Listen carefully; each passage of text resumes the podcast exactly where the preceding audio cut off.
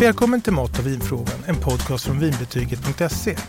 Idag ska vi planera bröllopsmiddag. Anna Luft från Matsällskapet är här och ska hjälpa oss. Anna, du är ju expert på bröllop. Hej Stefan, jag är så glad att få vara här med dig igen. Jag gillar verkligen att ordna bröllop. Och hur många bröllop har du ordnat genom åren tror du? Åh, Stefan, du kan inte ställa en sån fråga. Ja, men nästan då. Under 30 år. Mm. Det kan vara allt mellan 50 till 100 under ett år. Men jag kan inte förstå, hur kan man ordna 100 bröllop under ett år? Jo, men det är ju så att vissa datum är ju mer populära än andra. Så det kan ju faktiskt hända under en helg att vi har tre, fyra bröllop, till och med fem bröllop. Ja, men då ordnar ni alltså fem bröllop parallellt samma dag? Ja, det händer. Ja, och hur fixar man det? God logistik. Men du, om jag säger så här, med minsta antalet gäster på ett bröllop som ni har ordnat ungefär, så jag vet vad jag kan beställa, att man inte skäms att man ringer och säger nej det är för litet. Eller det största antalet säger nej det är för många. Vad ligger det då? Nej men vi har gjort små intima bröllop för en 10-12 personer. Mm. Och ibland har det varit upp till fler, flera, flera hundra. Mm. Vilken är den vanligaste frågan du brukar få? Vad kostar det? Går man på priset direkt? Nej, jag säger att det går inte. Det finns ju inget enkelt svar för att för oss är det att vara väldigt lyhörda och förstå vad egentligen brudparet önskar sig. För det är ju ändå deras dag och det är det absolut viktigaste. Mm. Och det är väl det här som skiljer bröllopet från festen egentligen. Att det är några som har vikt sig och siktar på att leva resten av livet. Och det gör att det finns ju mycket mera känslor inblandade kanske än en fest. Livets fest. Det är början till någonting nytt. Två människor har bestämt sig för att de vill vara tillsammans. Och det vill de fira tillsammans med släkt och vänner. Just det, det här är lite intressant med släkt och vänner. Jag tänker på att en fest, där bjuder man ju sina gemensamma vänner ofta. Men på ett bröllop, där har man ju två familjer som kanske känner varandra. Och så där har man då den ingrediensen, då kanske det är olika generationer i den här familjen som kommer, eller familjerna som kommer. Och det brukar man inte heller kanske ha på fest, så blanda så mycket. I alla fall inte i Sverige. Och sen så har vi då alla vänner då och där ska man dra en gräns. Alltså det här gör ju också att det är komplicerat. Va? Ja, det är väldigt komplicerat och det är ju någonting som man måste börja med själv på kammaren och tillsammans med sin partner dra riktlinjer för vad man vill. Och där återigen vill jag ju säga att då är det väldigt viktigt kanske att man har satt upp en budget för hur mycket man klarar av att betala för ett bröllop. Vad man vill lägga på det. Och därifrån tycker jag också man kan faktiskt bestämma hur många som kan få vara med under ja. bröllopsakten och middagen. Ja, men för det är ju ändå så att hur man än vänder och vrider på så ett bröllop kostar. Absolut, det kostar. Men det behöver inte kosta hur mycket som helst. Det beror ju på vad man vill med det Mm. Det finns ju enklare sätt att göra det på och sen kan man ju gå all in. Det här är ju väldigt viktigt att man som sagt tänker igenom. De flesta börjar faktiskt med att i god tid sätta ihop en lista på vilka de önskar att bjuda. Självklart måste de först beställa, bestämma sig för ett datum när de vill viga sig och om de ska viga sig kyrkligt eller borgerligt. Och då måste de kontakta kyrkan eller om de då önskar en vigselförrättare helt enkelt. Vi är ju inte med i det stadiet, de kommer till oss mycket senare. Mm. I ditt önskescenario som arrangör, hur lång tid eh, önskar du att de kommer eh, i förväg och frågar och börjar fråga och planera? En till två månader. Det räcker alltså? Ja, för oss räcker det. Ja. Absolut. Det enda som kan vara knepigt då är kanske lokalen att hitta? Ja, om de inte har en egen lokal. Bland det viktigaste när man eh, ska planera en bröllopsmiddag, det är ju ditt och mitt område då, vin och, och, mat. Och då undrar jag, så, hur brukar man närma sig att bestämma en meny? Hur går det till? Ja, det här är ju att tänka på. Nummer ett är ju, vad gillar de? Ja. De kanske har en favoriträtt ja. som de gärna vill bjuda sina gäster på. Eh, tänka på vad det är för säsong. Vad är det för omständigheter, det vill säga är det ett ordentligt restaurangkök där eller är det hemma hos eller är det så att det är ett tält? Ja. Och det på något sätt måste vara början till ett menyval. Anna, jag vet ju att du har plockat ut några goda förrätter. Berätta, vad har du eh, på gång? Det är ju så här att det har ju väldigt mycket med säsongen att göra. Mm. Och jag brukar föreslå vid större tillställningar där man inte har ett stort kök, det är att börja med en soppa Bra, då undrar jag så här, men det ställer ju krav på att soppan är supergod tycker jag.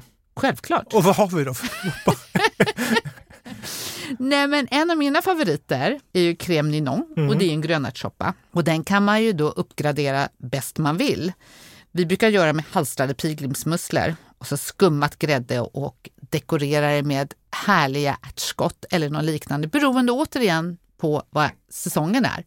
Det där är en gammal Tore Wretman-klassiker tror jag. Är det? Då måste vi ringa och fråga Mm, Eva om. Ja, men och sen så tror jag att i vissa recept så har man nog en skvätt champagne. Absolut. Det kan ju smaka väldigt bra om man till exempel vill servera det med champagne Eller annat mousserande. eller annat mousserande.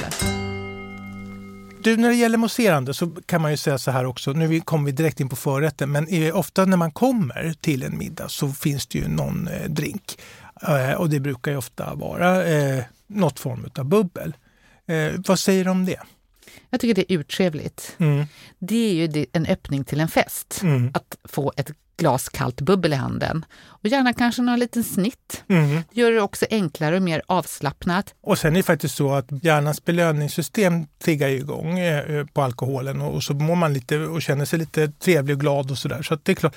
Jag tror att vi pratade om någon annan gång du om att när man kommer till festlokalen eller där eh, man kanske har förflyttat sig från en eh, kyrka eller vad det nu än är. Och då är det bra att man kan inte dricka sig otörstig på alkoholdrycker. Det, det biter liksom inte, det blir tvärtom, man blir törstig. Då måste det finnas liksom eh, vatten. Eller någonting. Vatten är jätteviktigt, att man bygger upp vattenstationer. Och det är ju enkelt och det är ju billigt. Ja. Att det ska finnas karaffer med vatten, gärna med is Ja. i. behöver inte vara någonting som smakar egentligen, Nej. för det kan ju ta smaken av andra saker. Men att folk har möjlighet att dricka vatten och det underlättar ju också för personalen för då kan de göra andra saker istället för att gå och servera ett glas vatten till var och en. Jag tror på det där att man får göra någonting själv. Att man går fram och häller upp och så kanske man frågar någon, vill du ha ett glas vatten? Och, så och sen tycker jag det är intressant att säga att vanligt vatten är, är, är utmärkt. Och det, det är ju min eh, tanke, eller käpphäst det här med vin ska man ju aldrig servera, tycker jag, ett smaksatt vatten eh, och inte ett kolsyrat vatten. Absolut Så inte. vanligt vatten är Vanligt optimalt vatten. smakmässigt Ja. Mm. och billigt. Och billigt. Men då kommer jag in på eh, mousserande här lite. Vad kan man dricka? Tveklöst. Och då tycker jag, det har ju också med budget att göra. Och mousserande drycker har ju ett jättespann. Det går ju verkligen från liksom kanske 70 kronor och så finns det ingen övre gräns. Men då gäller det tycker jag att hitta bra kvalitet för pengarna. Gäster är ju då de invaggas i någonting så tar man den här första klunken och så säger man så här, mm, ja det här var inte så kul, tänker man. Eller wow, vad gott, säger man spontant. Och det är det som jag, om man ändå lägger alla de här pengarna och allt det här jobbet så vill man ju få det både vad det gäller maten och drycken, att man får den reaktionen. Har du några bra förslag på bubbel? Ja, då tycker jag om man ska ta ett prisvärt bubbel så ska man titta på cava från Spanien. Jag har nämnt det tidigare, men det görs med den traditionella metoden på fina druvor och den lagras. Så det är något helt annat än andra billigare mousserande viner. Och då finns det en som heter Villaranau och det är, den är då torr och den är, det, det står det så här brutt natur.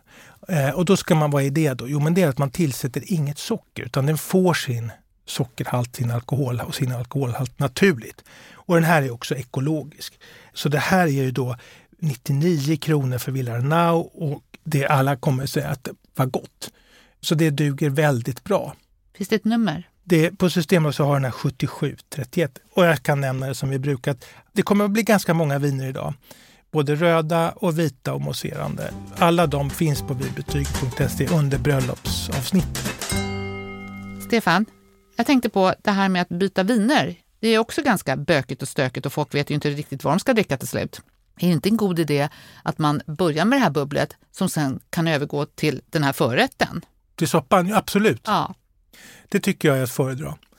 Ett annat bubbel som både går som drink när man då kommer till middagen och som fungerar till din fantastiska soppa där med pilgrimsmusslor. Det är ju det här italienska bubblet som heter Rotari eller Rotari. Jag är inte hundra på uttalet. Och då har de en rosévariant. Jag vet inte varför, men rosébubbel verkar ju vara hetare än någonsin. Och det började egentligen med champagnen, finbubblet, som gjorde rosé. Och sen så har det liksom sipprat ner till de andra varianterna. Och eh, Rotary de har då den här eh, som kostar 129 kronor. Och den görs också med champagnemetoden. Och det här är liksom mil ifrån en prosecco kan man säga. Men det är fasen inte mil i pris tycker jag emellan. Så det här kan man gott, eh, funderar man på bubbel då tycker jag, eh, titta inte på de billigaste. Då kan man ta en kava eller det här. Eh, mer då, det här är gjort på champagnedruvor, alltså Pinot Noir och Chardonnay. Och det tror jag också vi pratar om, alltså det här finns även i magnumflaska. Mm -hmm. Det är kul. Ja. Det, är liksom, det blir festligt på något sätt. Varför vet jag inte. Men att det kommer in en magnumflaska tycker alla, oh, det, det ser... Desto större desto bättre. Ja, men det, ser, det ser gott ut, ja. roligt och trevligt. Så det, det tycker jag är ett säkert kort. Eh, det heter då 7701, det artikelnummer på Systembolaget. Men du, jag, om jag vill dricka champagne då? Ja, Från champagne? Ja, det är klart att det finns ju champagne och det finns många bra champagnehus. Och det är klart att det har med bröllop att göra. Det är klart vi ska ha en champagne. Och då, då när jag skulle välja här så funderade jag på vad ska jag ta? Då tog jag den, den champagnen som världens eh, smartaste människor dricker. Jaså? Ja, den, jag tog den som har serverats på flest Nobelmiddagar. Aha. Och den heter Tattanger. Ja. Eller jag tror man säger Tattinger i Sverige. Men ja, Tattinger. Ja, Tattanger. Och ja. den är ju då en klassisk kuvé, alltså det är blandning på ja. de här fina champagnedruvorna, en mix på det. Eh, och den är torr och härlig och det funkar ju liksom till allt, liksom både till drink och till mat och, och så. Ja, men till frukost? Eh, ja, för de som gillar det så går det jättebra. Eh, så den, det, det är ett säkert kort och folk ser att det ser, det ser lite det är lyxigt Ja, exakt. Mm. Och då, den kostar då 439 kronor. Och eh, den, nu, nu kommer jag fast ihåg numret här. 7422 är det. Så, men det är ett säkert kort mm. bland alla champagner. Du Anna, nu kommer vi in på allt det praktiska med bröllop. Det är egentligen det som skiljer bröllopet från den stora festen. Det handlar ju om att det finns ju traditioner för hur ett bröllop går till och särskilt i Sverige jämfört med många andra länder. Och man måste inte följa dem där, men vi kan ju ändå tala lite om de här sakerna som jag tycker är, är, är lite kul. Men nu tänker jag eh, sätta på mig en gästhatt istället. Mm. Gör det. Ja, men då är det ju så här att talen har, om vi börjar så här, eh, vi, vi, vi avvaktar med talen en sekund. Först har vi då inbjudningskort mm. och där står det då en dresscode. Mm. Och där så eh, idag så finns det väl alla varianter. Förr så var det då frack, Eh, och då innebar det långt för damerna. Och sen så idag så börjar smoking förekomma mer och mer. Och då Absolut. kan det vara kort. Mm. Och sen kan det vara mörk kavaj och det är väl egentligen mörk kostym. Alltså mm. Alltså man har inte ljusa byxor utan då har man liksom en helt mörk, mörka byxor och mörk mm. kavaj. Och sen så finns det de som håller på med jackett, det här engelska. Ja, inte så många kanske, men det finns för alla varianter. Så finns det de som säger kom i vitt eller någonting, mm. vad vet jag. Eller rött kanske. Eller rött kanske. Eh, men om vi då säger så här att det står en, ett angivet på inbjudningskortet en klädkod. Ja, och det är ju också för att ge trygghet åt dig som gäst så du vet vad du ska sätta på dig. Och jag tycker också, någon gång har man ju sett någon som hoppar över det där. Och det tycker jag är, är, är nattmössa. Att gå på en stor arrangerad bröllopsmiddag och inte följa den intentionen som värdparet har utan man, mm. man, man sätter inte på sig det som står. Mm. Ja, jag tycker nästan att då får man nästan tveka på att gå. Mm. Det är ju ändå en, en, en avsiktsförklaring, mm. liksom, att vi mm. vill ha det på det här sättet. Mm. Så man följer den här mm. dresskoden. Och sen så när man då, och, och ibland så står det ofta angivet en toastmaster med kontaktuppgifter, mm. mejl och så här mm. om du vill hålla tal. Mm. Eller det står inte ens det, det står bara toastmaster och ett namn och mm. telefonnummer eller mm. mejl. Ja, inte alltid på inbjudan. Det kan ju vara så att toastmastern gör sig till känna under själva fördrinken eller till förrätten till och mm. med. Men toastmasters uppgift är ju rätt viktig. Oh ja. Eh, och om jag får bara fundera på den rollen eh, så är det ju ändå så att det är ju för att få talen att flyta under middagen. Portionera ut dem i kontakt med, med ditt serveringsgäng så att det inte kommer ett tal precis när alla fått mat framför sig så kommer ett långt tal. Men sen är väl också lite grann att har man skrivit att en toastmaster, eh, att man ska anmäla sitt tal, då, då, blir, inte, då blir inga spontantal. För på ett bröllop kan det ju vara kanske 12, 13, 14, 15 tal. Vi kan gå igenom vilka det brukar vara, men det, det är väldigt många tal på, eh, ofta. Och då kan man inte dessutom stoppa in spontanare som säger jag vill berätta om ett lumparminne. Utan då, liksom, eh, då blockas det lite av att toastmastern inte har fått den eh, vad ska vi kalla det för, propån att jag, någon tänker hålla tal. Det är ju väldigt viktigt att brudparet får som de önskar. Ja, jag har varit toastmaster några gånger. Det är ganska så, så knixigt alltså. Just det här att balansera så att det inte blir eh, massor med tal på slutet när alla bara vill resa på sig eller att det kommer tal mitt i rätterna. Och sen tycker jag inte att de här toastmaster-rollen, man ska vara glad och trevlig, man ska ge en vink om vem det är som ska tala, för alla känner ju inte alla. Med att det är ju mixat på ett bröllop på ett annat sätt än på en fest. Så då gäller det också att man förstår, jaha, det här är en, eh, en kusin, det här är en eh, gammal skolkompis eller det här är en arbetskompis eller vem det nu är. Men en toastmaster tycker jag inte behöver liksom jokra och gyckla och vara superkul. Eh, trevligt tycker jag räcker. Det var ju lite om hur bröllopet, eh, hur själva middagen eh, liksom flyter och så vidare. Men vi måste nog tillbaka till vad har vi på tallriken och vad har vi i glaset när vi har, vad har vi för varmrätt här? Ja, just nu skulle det passa superfint med en halstrad rödingfilé och en löjromshollandaise. Ja, fisk är alltid poppis va? Ja, och man ska inte vara rädd för att servera varm mat som varmrätt. Men jag tror ju så här som, du vet, som beställare så vet man ju inte begränsningarna. Så det tror jag är ditt, i ditt huvud att du liksom det här med varm, varma rätter och sådär. Det tror man, det löser sig. Men det är ju det är du som får det i knät att lösa det med varma maten. Ja, och det är återigen logistiken och beroende på var man är någonstans. Mm. Men du, den där hollandaisen lät ju grymt god. Berätta, vad var det? En riktig fluffig hollandaise som låter så lite ihålig när man tar i den. Ja. Och till det en härlig Kalixlöjrom. Satan vad gott det smakar! Är det smaksatt i, i hollandaisen eller är den bredvid? Nej, det, nej, i själva såsen. Ja. Ja, Mm. det är klart du kan ju sätta en liten klick ovanpå också. Ja. Det ser väldigt elegant ut den, den här lite gula såsen med de här små röda prickarna i. Och sen en röding. Alltså röding är ju en fantastiskt god fisk Ja. som fortfarande ligger ganska bra prismässigt om man till exempel jämför med en piggvar som kostar hur mycket som helst. Ja. Och sen självklart om det är vår och sommar, man vill ju ha härliga färska primörer. Men nu vill jag tillbaka till din röding där. Ja, alltså absolut. fjällröding hittar man ju i fiskdisken numera, ganska ofta tycker jag. Men jag sa inte fjällröding, jag sa röding.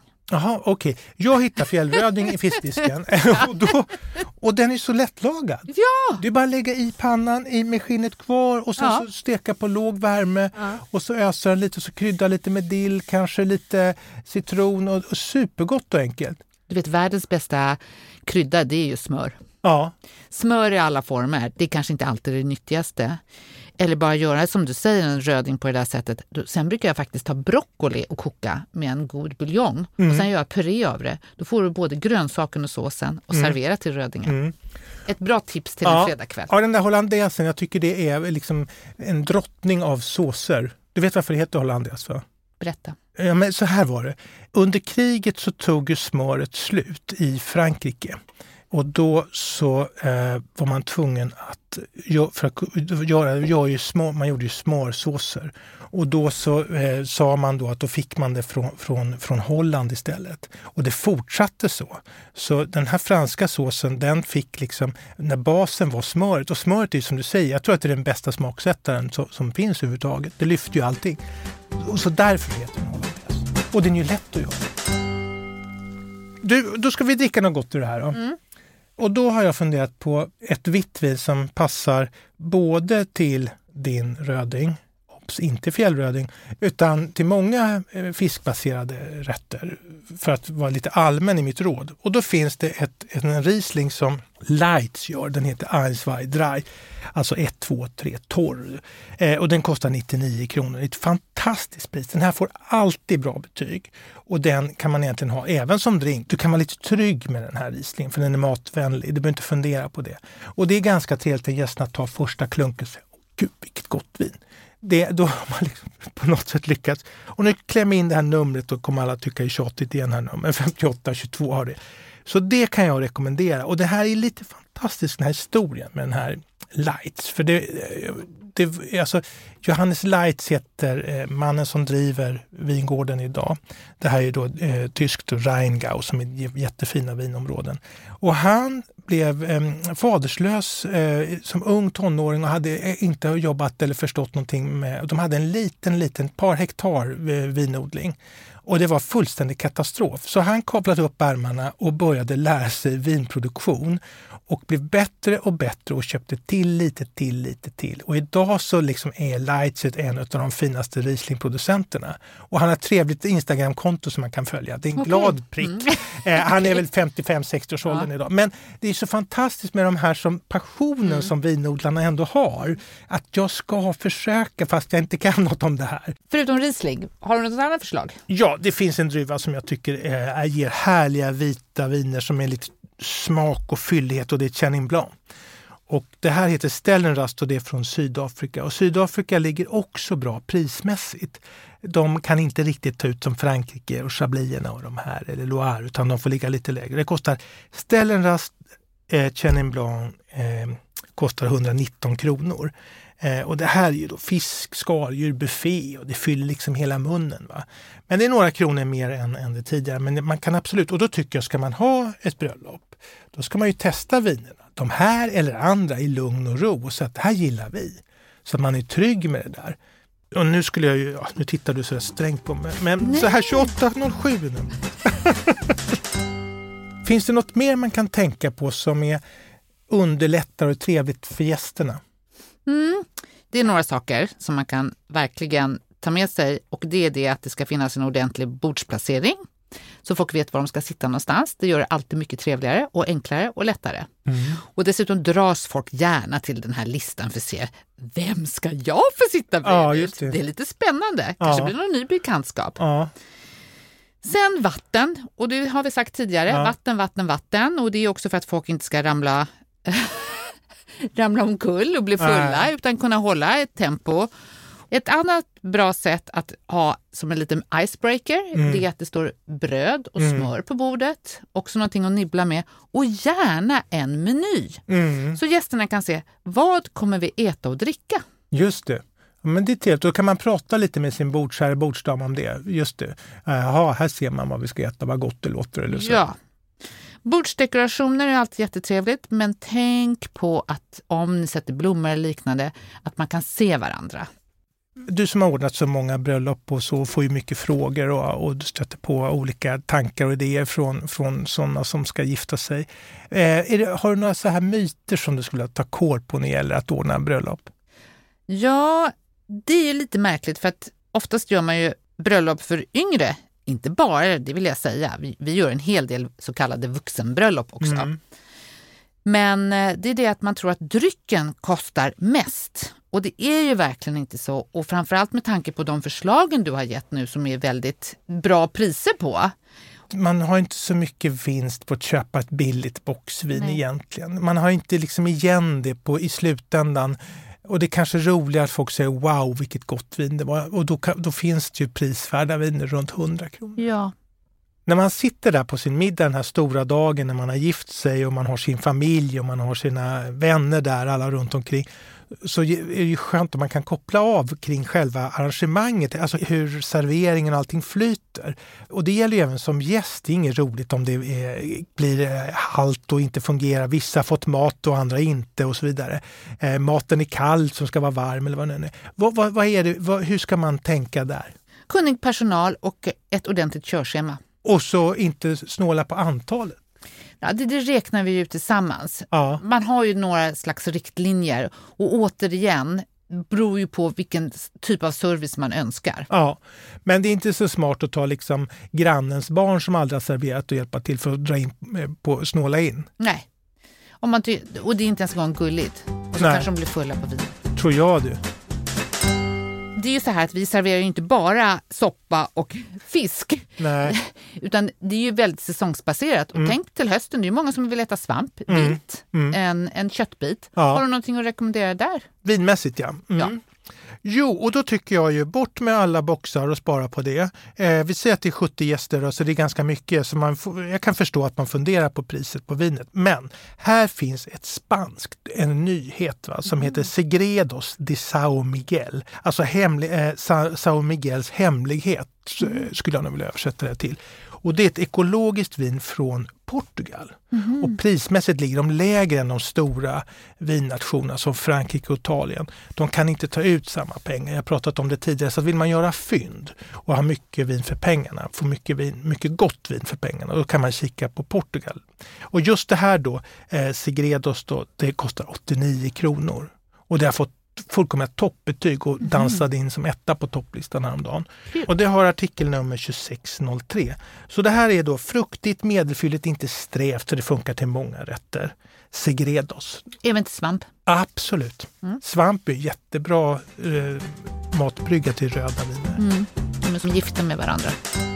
Men jag älskar italienska rödviner. Har du någonting? Det är klart. Här har vi då, eh, man, när vi brukar prata om att för att hitta rätt i vindjungeln, alla dessa viner på Systembolaget, så kan det vara klokt att titta på producenten, att det är en bra producent. Och då har de ofta viner i olika prisklasser. Och då är alla hyggliga, än att ta de här okända korten. Det, det rekommenderar jag inte. Senato är ett mm. familjeföretag i Veneto, alltså norra, norra Italien. Senato Valpolicella Classico Superiore, det kostar 139 kronor.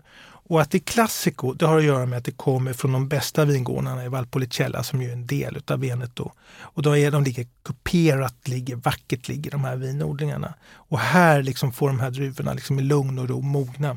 Och superiore som det står då på flaskan, det innebär då att de här får eh, högre mognadsgrad och det blir liksom ett rundare, fylligare härligt tid och så får det då lagras på ekfat. Då ska det vara i 12 månader. Dina, din svamp kommer ännu bättre här eh, till sin rätt. Så, så, här har du en god sås eh, med svamp till din köttbit. Vilt kanske vore optimalt. Eh, så det tycker jag man ska prova Senato. Det är en klassiker man kan lägga på middag. Alltså det här vinhuset, det här familjeägda vinhuset. Och det har då ett lite långt krångligt artikelnummer. Ibland får jag känslan att det skulle vara det viktigaste med artikelnumret, men jag tar det här. det heter då 123,85. Eh, Men det, passar det till ost också? Ja, hårdostar. Mm. Eh, man ska inte köra mjukostar och röda viner. Vi har ett sånt ostavsnitt. Mm, jag vet. ja. Mm. Så det här är ju då utmärkt. Då, då kan man ju tänka sig då att du har, eh, jag tycker alla de här goda som eh, Comté eller parmesan och de här är ypperliga till det här. Och det är också, det kanske man kan ha på ett bröllop att det kommer in en, eh, ett par ostar och man fortsätter med röda. Mm. Som en efterrätt kan man göra mm. det. Ja, absolut, det tycker jag. Och då kan man ju avsluta med kanske bara någon liten chokladbit i kaffet. Kaffet tänkte jag på där det här är kanske ett helgerån, men de här bröllopsmiddagarna kan ju, vara, kan ju börja vid sig klockan sju så sätter man sig, eller kanske sent, säg klockan sex då sätter man sig. Så ibland sitter man ju till klockan elva, ibland till tolv för alla tal och så här.